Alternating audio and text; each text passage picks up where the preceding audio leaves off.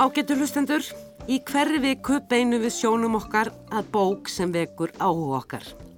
Og í þessari viku er það gömul verlunasaga. En skálsagan Atbyrður við vatn eða Hendelser við vatten eftir Kerstín Ekman færði höfundi sínum bókmæntavellu Norðurlandaráðs árið 1994 og hafði þá þegar bæði færtinni virðilegustu bókmyndavellun heimalandsins, Svíþjóðar og Ágúst Prísett sem og velun sænsku Glæpasagna Akademíunar. Atbyrður við vatnir skáldsaga um glæp, vissulega, morð, en þetta er líka saga um breytingar á atvinnuháttum, um ást, bæði millir kals og konu og móður ást. Og til þessa ræða þessa bók eru hingað komnir Þórður Helgason, dósend í íslensku á mentavísindasviði Háskóla Íslands sem var varamadur í domnend bókmyndavelunum Norðurlandaráðs á sínum tíma þegar að bókin fekk velunin og Pál Valsson, bókmyndafræðingur, reittstjóri og höfundur allmargra bóka nú síðast sendaðan frá sér Egil sögu um Egil Stöðmann Ólafsson. Velkomnir báðir tveir. Takk fyrir. Um, þú, Þorður, last vantarlega þessa bók á sínum tíma í kringum velunin. Já, já, já, já. Fannst þér uh, ólíkt að koma að henni, að henni núna? Er hún þér minnistæð frá því? Hún er mjög því? minnistæð og, og, og hérna ég er náttúrulega, uh, það komi líka alltaf óvar hvað hún er alveg glæni ennþá í, í, ekki bara í minningunni heldur sko, hún, er, hún hefur haldið all, allum sínu styrk ennþá og, og er, er, er einhvern veginn klassík. Mm. Þú, Pál, þú stundar á sínum tíma var það ekki framhaldsnám í Svíþjóð? Ég var eh, lektor þar í Íslensku. Nú, það er ekkit annað. Þannig að vir, virðulegur maður, en, en hérna, ég bjóð þarna já þegar bókin kom út, þannig ég las hann á sænsku. Fyrst? Fyrst og uh, uh, það var náttúrulega gríðarlega mikið látið með hann og hún fikk all velvörn eins og þú nefndir og nú síðan sá ég hún að kosti besta glæpasaga sænsk uh, aldarinnar, sko, línar aldar, þannig að það er ekkit... Það er ekkit láta á þessu? Nei, nei, nei, og ég segi svo þóruður að, að ég var svona mér fannst þú mjög sterk til að lasna fyrst og, og ég var svona hálf kvíðin að gera þetta aftur en, mm. en hún er bara betri bara held ég, hún er svo ofsalega aktúel sko, nútímanleg og höfða svo stert til okkar hér og nú. Ég held jáfnvel að hún sé ennþá betur, eigi ennþá betur við okkar tíma núna. Ég held það. Og alla umræðu. Ég... Það má segja að kannski samfélagi sé betur undirbúið og svona e, e, meira á þeim stað í þroska sínum til þess að meðtaka það sem hún er að fjalla um heldur en það jáfnvel var þá. Já, það var það sem ég átti við. Já. Það er fyrir. Já, maður getur sagt sko að þau, þau vandamál eða spursmál sem hún veldir upp, þau hafa bara orðið starri og, og, og þess vegna stríðaðu meira á okkur sko. mm. það, það er, og það er af mörg að taka. Sagan hefstu á byrju, byrjun 8. áratugurins í smábænum Svartvatten eða Svartvatnin, norður í Jemtalandi í Svíþjóð og þar endar hún líka. Þangað kemur ung kona, Anni Raft með rútunu á samt 6 ára dóttur sinni Míu. Það er alltaf flytið inn hjá kærasta Anniar, Dan sem býr í kommununni Stjernholm. En Dan, Dan, Dan kemur hins vegar ekki að sækja þær í rútunni sem var talað. Það er Jónsmessu kvöld og mikið um að vera í smábænum og Anni ákveður að halda ferð sinni áfram gangandi en það bjart þarna um nóttina og kvöldið. Á leiðisinni gengur hún fram á blátt tjald sem tjaldaður við árbakkan og þar er einmitt fyrra morð sögunar framið, fólskulegt að því er virðist og fyllt á ofbeldi, tveir útlendingar, ungum maður og ung kon eru stungin til bana með hryllilegum hætti og Anni er með þeim fyrstu á vettvang. Þetta morð upplýsist ekki fyrir undir lóksöguna þegar allt brist fram á nýjan leik og enn eitt morðið er framið. Sagan hefst í rauninni á upptakti lokana þegar allt uh, uh, uh, kemur, þið sanna kemur í ljós eða þannig og síðan þegar eftir þennan uppáskabla fær lesandin insýn í það sem gerðist þarna áttjan árum fyrr frá ymsum sjónalhornum sem mynda eftir því sem sögunni myndur fram hellega mynd af einum tveimur þorpum, stóru, uh, uh, mikilli náttúru fegurð og skóum og all mörgum personum. Við skulum heyra núna uh, höllu Sverrisdóttur, dóttur þýðandans, Sverris Holmasonar heitins, lesa upphaf sögunar. Hljóð, hún vaknaði við það. Klukkan var fjögur um morgun. Fjögur 02 með rauðum stöfum klukkuútvarpsins. Gráljóst í herberginu. Á rúðunni var rákaminstur af regndrópum og fyrir utan gufaði rakin upp úr grasinu. Hún varð ekki hrætt, en vökul. Nú heyrði hún hvað þetta var. Bílvél í hægagangi. Engin gæti átt erindi upp eftir til hennar svona snemma. Satti sem lá á gæru skinni við rúmið hennar svaf enþá. Hún var 13 ára og bísna hirtnarsljó. Bílhurð skelltist og ein enn. Það voru þá minnst tveir. Og svo þessi þögn, enga rattir. Hún svaf með haglabissu sér við hlið. Rúmið stóð aðeins frá vegnum og í bylinu lá bissan. Mjög laglegt vopn, spánst, savela. Skotilkinn hafði hún á bakvið klukkuútvarpið. Hún var 22 sekundur að opna bissuna og stinga skotilkinu minn. Hún hafði eft sig og tekið tíman. En hún hafði aldrei þurft að hlaða í alvöru. Það var læst. Það hafði aldrei gerst að hún glemdi að læsa útidyrinum. Ekki í átján ár. Nú lág hún þarna með höndina á fagurlega útskortnu skeftinu á safelunni og þreyfaði á mattfitugu yfirborðinu. Hún var stíf og henni var hálf kallt. Hún ætlaði ekki fram í eldhús að gá því þá myndi hún sjálf sjást inn um gluggan.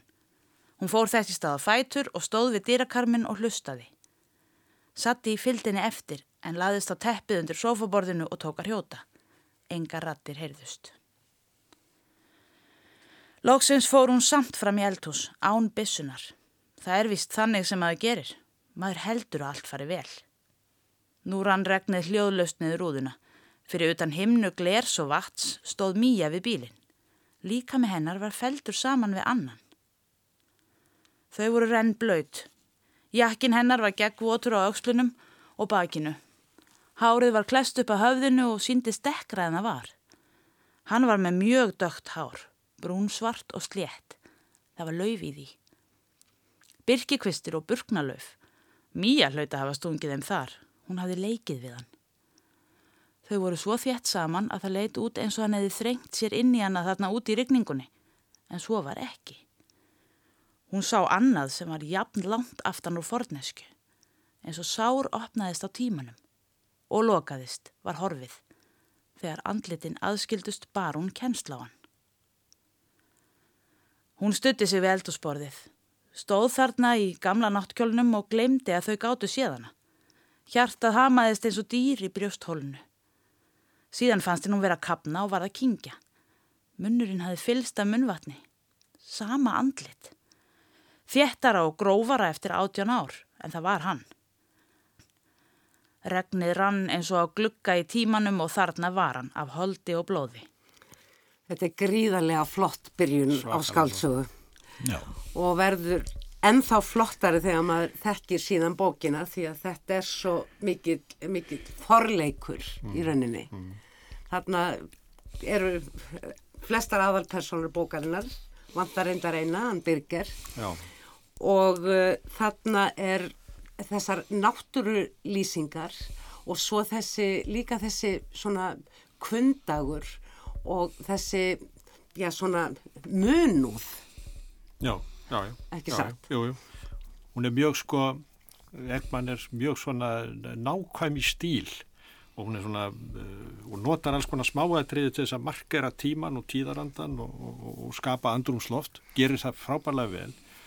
Við erum stundum verið sko, hún er eitthvað sko ef maður sækir íslenskar hliðstæður að hún minnir stundum á Álrún og Gunnlaugstóttur mm.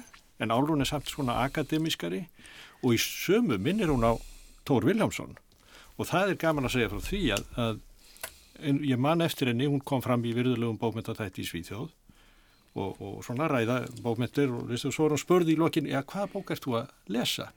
Þá sað hún, já ég er nú að lesa íslenska bók Grámósinn glóir, þetta er Tór Viljámsson og og fór síðan mjög uh, fárum orðum um hana og, og, ná, og það sem hún hrefst mest af voru náttúrulýsingarnar og þetta er gaman að því að því að ef maður, maður berður saman það er gjur ólíkar aðferðir tór með sitt flæði, hún með sitt smáatriði og nostur og eða svona nákvæmari mm. sko en, en uh, markmiðið er það sama og kannski útkoman sko hún nota náttúrulega náttúrulýsingar gríðarlega mikið alveg frá upphafi og, og við sjáum þetta bara litina í náttúrunni hvernig þetta er Já. svart, þetta er strax svart, Já. grátt Þú finnur lyktin af því. og Mjög mikil lyktin, lykt í já, já, þessari einmitt, bók. Já, já, og, og, og svo staðarnöfnin strax svart, Já, já, gráflíðin og þetta fjall fyrir ofan vatni Býr þetta til, sko. Er sko, það er sko, hún líkir því við skrokk, en þessi skrokkur er dauður, það er búið að skera á allar æðar og einhvern veginn undirbýr þetta eða byggir þetta upp einhvern sko stemningu eða tón sem að maður ekki- kemst ekki hjá því að, að, að fylgja með sko. Og þetta er gríðarlega viðfæðum saga.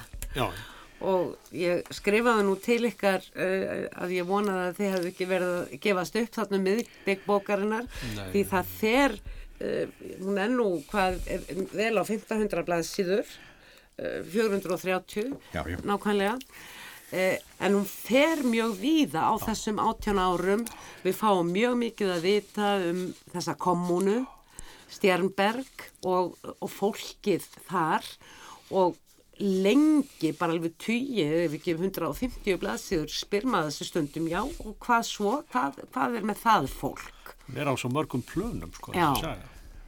Það eru þetta glæpur og það, það er það, en það er líka, sko, samfélagsbreytingarnar sem að, að svona, hún, hún sagt frá því að hún til dæmis var aldrei heldtekin af því hún, já, hún sagði sjálf sko að sjálft erindi hennar í bókmentirnar var að skrifa um venjulegt fólk og landsbyðina Já. sem hef, henni hefur alltaf verið hugleikin Er ju al, sjálf alveg þar upp. já, og svo þessi mikla breyting sem er nú svona undirliggjandi í þessari sögu sko konurnar þær menta sig, þær hverfat í borgirnar eftir sitta kallarnir með brennivín og snús og, og, veiðimennskuna alla og kallmennskuna og er sem við sko fá ekki næjanlega, Nei. skulum við segja útrást fyrir, eitthvað í Já, veðunum. og en- þetta er svo daburlegt sko, fann, fannst henni, þetta var daburlegt og, og, og hún vildi fjalla um þetta sko, þessi, og þe þe þessi frumstæði þessi frumstæða kallmennska skapar ákveðna hættu og það er, er svona svona elementið í undirliggjandi sko. En á móti er hættan sem er hérna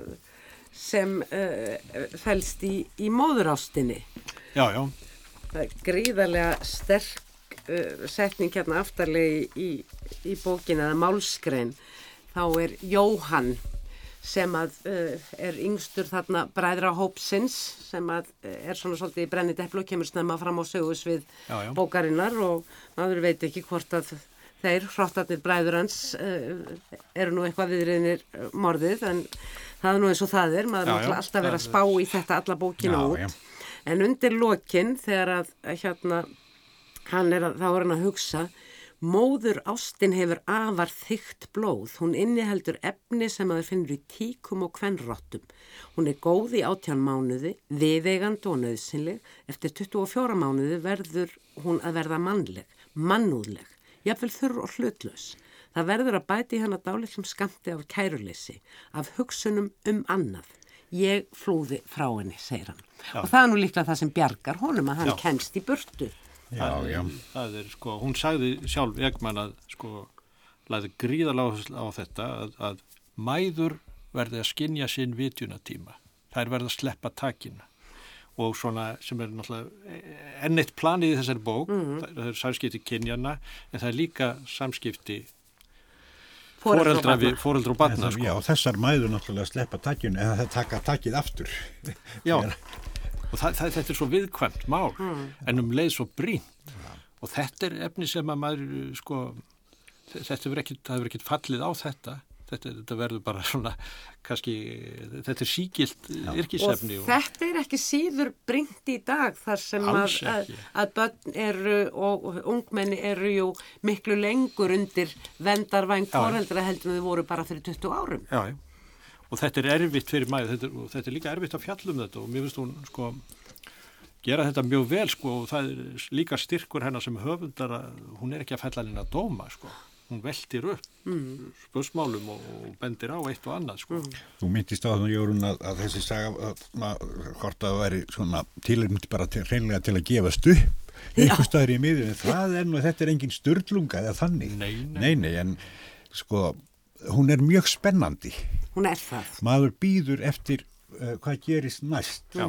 Og þess vegna finnst mér bara eiginlega svolítið grottalegt að kalla þetta glæpasögu. Já, hún hefur sjálf sko líka var, seg, alltaf þegar hún var alltaf að vera að gefa einhver velu fyrir bestu glæpasögun að þetta sé nú, hún hefur nú aldrei litið á þetta sem glæpasögu. Mm. Vissulega sé þetta glæpur Já. en hann í sjálfu sér skiptir ekki máli sko. Glæpur gerir ekki skáldsögur eiginlega glæpasögur. Nei, glæpur er bara svona tæki til þess að tóka lesandar og til þess að varpa upp hans Já, konar bara eins og Dostojevski notar og, og Flaubert og fleiri Já, já, já. já. Og í rauninni er það eiginlega illa gert við þessa bók að tala um hana sem glæpasögu vegna já, þess að glæpasögu les, átt að get, býstu við að geta lesið nokkuð hratt og öruglega í Já, gegn. já, en hún beitir jú þessari taktík eða stílbragði eh, eh, eh, byðarinnar, hún er, hún er alltaf að skilja okkur eftir í einhverju tómi og, og, og í þeirri aðstöðu við þurfum að þreyfa okkur sjálf áfram. Er yfirleitt nýr bara kapli hefst sko. Já, yfirleitt þegar nýr kapli hefst þá byrjar hann ekki á að segja eitthvað nafn eh, eh, gekk upp fjallið eða bankað og dittnar heldur ef það hann eða Hann hún eða hún eða þau, já. Já. það var, sko, hún fer miklu dýbra heldur, heldur en þessa glæpasögur þar sem allt hverfist um glæpin og hún hefur sjálf, mann ég sem eitthvað, sagði eitthvað sem mér fannst helviti gott með þetta að, að sko henni, hug, hún sagði ég les glæpasögur en, en mér hugnast þær ekki ef að sko það verið einhvern veginn að, að, að upphefja eða tala um hennar myrkur hliðar mannsins eins og einhverju afþreyingu þetta er stóra alvarlegt mál og, og, og skilur af hverju tó- tógar hérna myrkur hliðar í mennina. Það er interessant en að velta sér upp úr því það er óinteressant. Já, já. En hún býr náttúrulega til ó, ótrúlega flottar personur, sko, þegar maður skilur og, og, og vill eh, nálgast, mjög, skilja betur. mjög. mjög breyskar Já, já, já, já. fyndnar Með dettur í hug til dæmis þessi, byrger sem að svona hann, að, hann, hann, hann, hann, Læknirinn sem að- læknir, hann, er, hann, er að, hann, hann, hann reynir að halda í einhverja mannlega reist. Já, þetta er svona kallmaður sem að sko eh, býr við mikil vandamál Já. en tekst á við þau svona án hroka og án ofbeldis Já. og er í þessu umhverfi samt. En samt sko þegar hann sko langa til að sko, hann er doldið upptekin af því að vera ekki afskiptasamur. Já, já. Sko, hann, hann meiri segja að segja hérna á einu stað það satt ung kona við Vestlun Aronsons og með litla stúlku sér við hlið Birger fannst það dálítið gamaldags í útliti, kannski vegna þess að stúlka var með flettur og kona var í síðum bláum kjól. Þær sátu á töskum fyrir neða vörupallin og liti út fyrir að vera býð eftir einhverjum en honum síndist konan uppgefin. Andartak hvarlað að hann að spyrja hana á hvaða leið hún væri eða hvort einhver ætti að sækja hana en hann vildi ekki vera afskiptasamur. Nei, nei. Hann er svona hjálpseminn og samúðinn, hann er, svona, hann er þá bundin af þessu samfélagi þar sem að menn lokast inn í sjálfum sér og, og, Já, já. og þú er ekki að, að það vil ekki já, hún er sko, hann er svo til hliðar við sko alla, já, hvað maður segja, hrottana og þessa, þessa kallmennsku sem er kallmennskan og eitt uh, þemaði þessari bók, svo sannarlega. Já, já. Hann er svolítið öðruvísi, hann er svona góðmenni sem samt er þjakaður af vandamálum, hann er á feitur og hjónabandið rúst og þetta er allt erfitt sko. En, en, langa samt í hvern mann já, en hann vill vel. hann vill vel sko og, og, og, og, en, en mér finnst samt sko einkenni Ekmans í persónusköpun að, að það er samúð og skilningur með persónum sín Já, hún dæmir þær ekki, hún er, hún er með þeim vestu. jafnvel með þeim verstu sko. Það er svo flott sko. En þegar þú segir vestu þá hugsa ég býttu nú við hver er eh, vestur það, Það er er, segja- er eiginlega enginn því að það er, eru svo báar Já, Já, þú getur skilið þær og það er sko höfundur, svona alveru höfundur sem er að rannsaka e, manneskjuna og samspil manneskjuna við umhverfi sitt.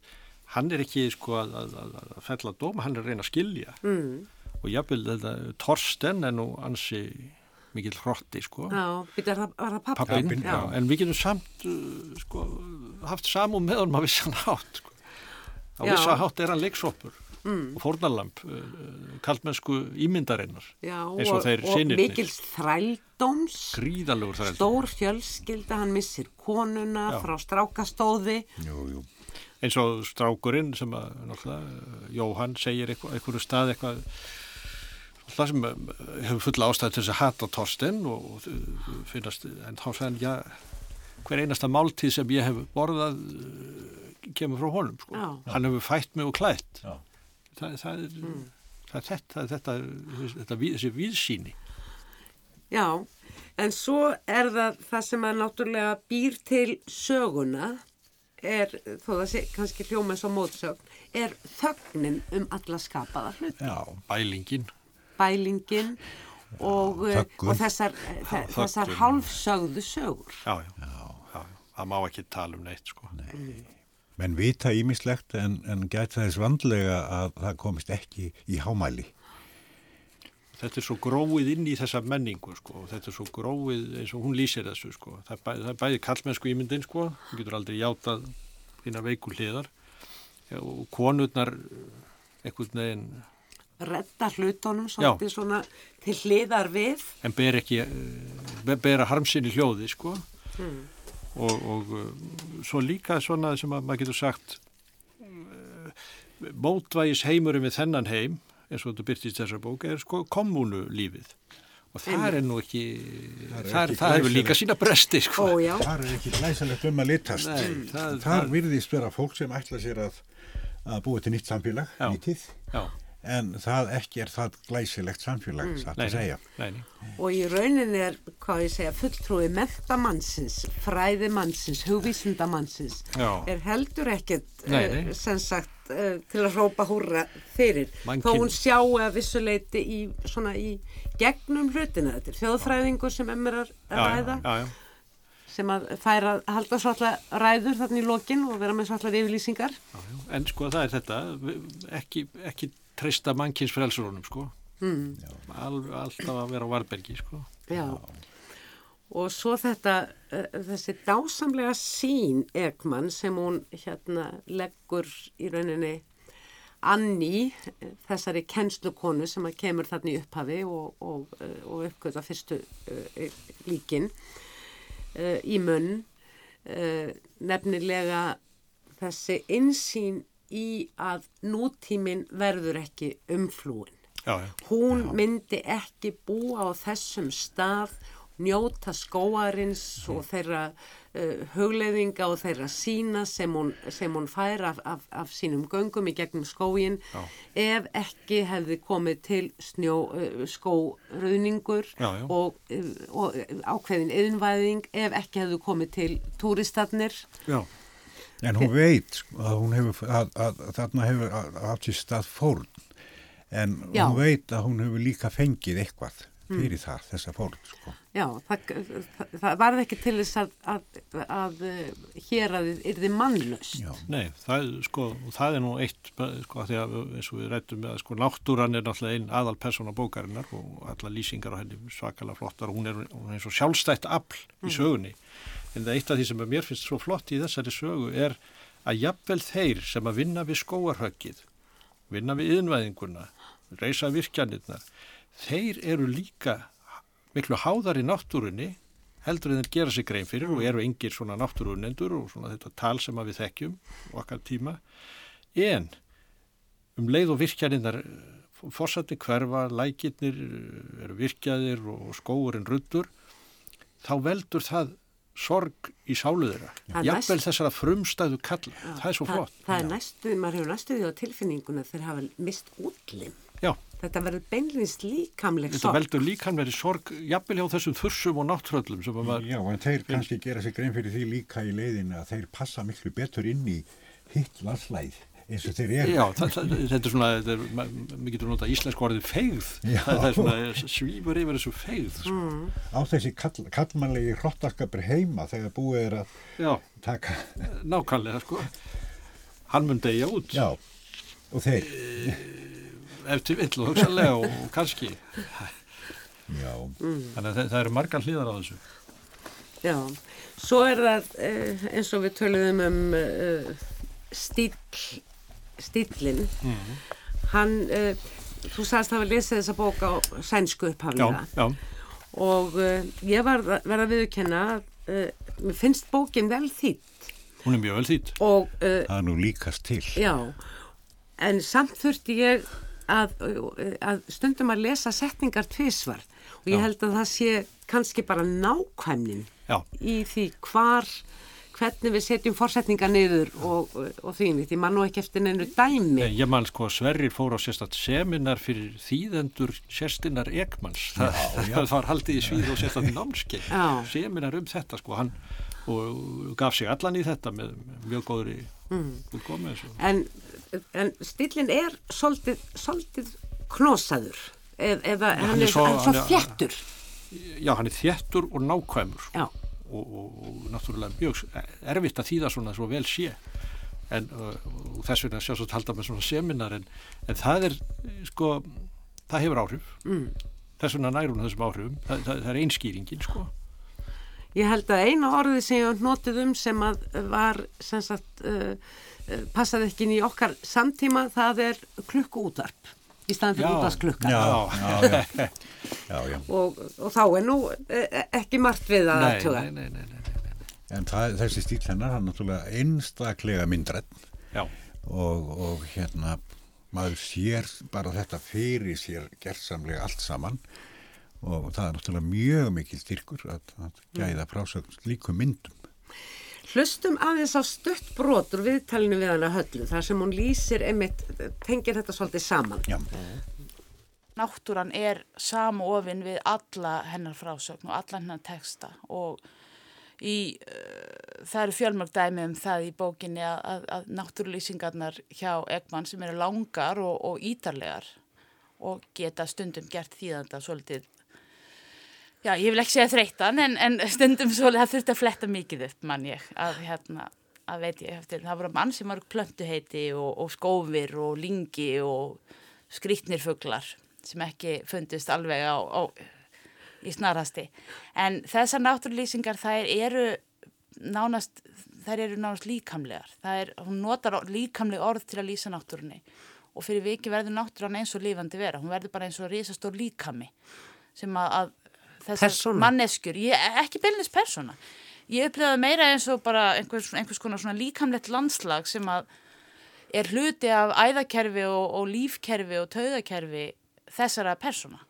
En mér, hún mér finnst hún ekki gera hana að, að, að, hún gefur glæðir hann ekki mannlegum eiginleikum en hún gerir hana hins vegar að einhvers konar svona öndunarkerfi þessa fólks sem að er mjög mismeðvitað sjálft um hversu háða er náttúrunni og hversu samofið það er við hana. Hinn glæpurinn eins og segir er auðvitað ógnin við þessa náttúru og við þetta landslag og enn kemur náttúrulega því að, að, að þetta samfélag sem er, er svona sjúkt, má segja, síkt af sinni eigin spillingu, það reynist síðan vera afskaplega misburðugt til að takast á við þá ógn. Og þetta er mjög breyst fólk, Afskaplega. breyskar manneskjur. Það er það. Og það er, er aftur að þá kemur að þessum mjög líkamlegu, þeim þessum líkamlega þætti, hún er mjög nálægt bara þessu daglega lífi. Það fólk er að uh, ganga örna sinna og prumpa og borða og elskast á svolítið svona, ól, ekki sérstaklega ljóðrænan hátt og, og þetta er allt saman afskaplega svona hverstagslegt í rauninni. Hún, hún einblýnir svolítið á bara hverstagslegustu þætti daglega lífsins. Tengi það síðan út í þetta ljóðræna landslag og þessa, þetta stóra ytra samhengi. Svona þunga æðaslátt sem er allt í kring. En inn í honum er þetta voðalega mikið bara fólk að ganga til sína daglegu starfa og reyna að finna út úr lífinu. Sem þeim gengur mis vel. Þetta, uh, sérstaklega þetta síðasta, fannst mér uh, mjög uh, viðegandi. Því að mér fannst oft, uh, ég segi ekki erfitt, en þetta, þetta var, það var svo margt, já, næstu því, svona, svona ljótt. Það var, hún leggur enga sérstaklega áherslu á, á einhverja fegur, hvorki í náttúrunni eða Nei. í fólkinu, klæðnaði þess, venjum eða hvað eina. Já, hún notar ekki, ekki fegurstu orðin um aðtapni mannana til dæmis, sko, heldur bara kannski menn fara út að skýta þarna, sko, og, Já, já, og, hérna, og, og, og, það er mjög hressandi sko, Já. það, skilur, það er bara þetta veruleikin eins og hann er og hann er. það er og, engin fægrun enda, enda er eins og því svo sko, minnir að domnefndar áliti hafi það þessi bók verið líst við vekjaraklöku, nútíma vekjaraklöka, hún á að hrista upp í okkur þessi bók, vekja okkur til meðutundurum hvað er að gerast. Ég myndi nú, hún notar þess, að notar sko, þess, hún notar svona orð sko um þessar aðtæfni sko. Já, og já, þetta, já. Sko. Já, já, Þannig að, en, og, og, en það sem að lifi náttúrulega í mér það er þessi ægilegi, sko, ægilega einangrun sem menn, ja, svona, menn festast í einangrun og passa sig óskaplega, óla sem að þarf að aka anni Já, hann passa sig að taka hann ekki upp í bílinn fyrir enginn sér. Já. það má bara ekki það, það er bara veikleiki að hjálpa. Það, það er þetta sko um leið og Og jafnvel að þiggja hjálp. Einhverju getur sagt, skilur þetta er þarna er verið að segja svona, um lífið á landsbyðinu og eitthvað svona og, og, og kannski einhver, einhver, einhver svona, en, en sko það er ekkert verið að fegra það neitt. Fáfræðin fær hér heldur betur bauki líka eins og þetta fáfræði og fordómar sko landsbyðarfólks það, þegar kemur að kennslu aðferðunum Já, sem ég- reynir að innleiða hún annið til. hvað kallar hana rauðliða sko, ég, ég má ekki sjást með rauðliðanum sko, þetta er Það er svo stutt í einfald, einfaldanirnar. Já, og, og svona fordómarnir og, og, og hvernig fólk eru fangar eigin fordóma og eigin fáfræði og eigin menningar. og Það- þegar það þeir er mynda hópa saman Já. þá var það nú, held- eins og bræðurnir þá byrja nú fyrst að hrykta já. Þegar kallmenn á jæðrinum uh, rotta sér saman, þá er hægt á ferðum. Já, En þetta er, eins og við höfum reynda sagt, gríðarlega spennandi bók og í raun gríðarlega brín. Hún gefur okkur, hún er svo sem ekki minninar lausnir á þessum vanda nútíma mannsins uh, uh, og hvernig hann ætlar að, uh, að Enda- lifa af. En það varar hún við því sérstaklega. Þeir sem þykjast vera með lausnirnar, við þá að En hins vegar gefur hún mikið fóð, hugsanafóður. gríðarlega mikið og ég, ég verið að sko, ef ég er lasa þetta aftur núna og náttúrulega ég veit vissi hver var morðingin, að þá hérna sko samt las ég þetta í ein, einum rikk skilur og, og, og svona uh, og með vaksandi ánægju sko yfir hvað hún, hvað hún hefur ennstu vel og hvað hún heldur manni vel við efnið og gefur mikið, hún er svo gefandi sko, já, já, ég kom mér fyrir bara í djúpum stól og, og, já, og las og las. Það gerir maður ekki alltaf. En það sá ég það að ef ég legðist með hana síð, síðla kvölds já, það myndi ekki ganga vel.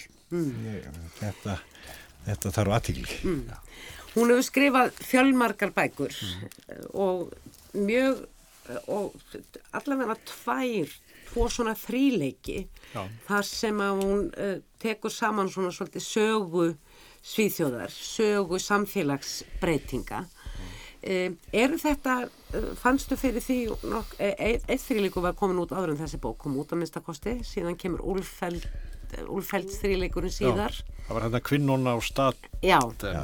já, einmitt. gott ef það var ekki fjóruleikur bylnis Já, jafnvel.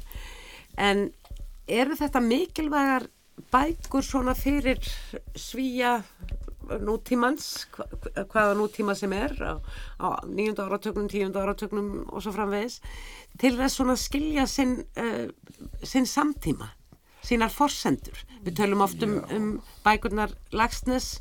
Sölkuvölku, uh, sjálfstætt fólk, hús, uh, hérna, já, já, skáldsins eða heimsljós eh, sem bækur sem hafa gert okkur kleift eh, að skoða þræðina sem verður samsett getur, úr. getur sænska þjóðin spegla sig í þessu sko Já, Ég held að þetta er svona, hennar bestu bækur eru síkildar og hún hefur mjög sterka stöðu, hún er nýtu gríðalega virðingar og, og hún alltaf, hún er gömul kona núna. já, já, en, en, en, en er afskaplega svona, hún er hóvar í framgöngu en, en, en uh, mjög gaman að tala við hana, en samt sko ber sér ekki á brjóst og það sýnir sko að hún var, fór nú snemma inn í akademíuna en, Samkvæm en- sjálfri sér. Hún er svo samkvæm sjálfur sér, svo hætt hún og bara því að hún var ósátt við Salman Rushdie og hvernig akademían fór með það mál, Já. en hún gerir þetta ekki með, með því að, að sko berja sér á brjóst og segja hérna, hún bara ég er mjög ósátt við þetta og meðan akademían e, gerir engin skikk Tekur tekur ekki á þessu, þá s- sæki ég ekki fundi Mm. Og, og síðan eru liðinast í 20 ára hvað, hvað það nú er. Já. En, en hún er ekki að sko flagga þessu neitt, skil. þetta er bara hennar afstafa Mm. og, og menn geta haft hvaða skoðun sem þið vilja á henni. Þetta er mín afstafa og henni verður ekki haggað. Mm.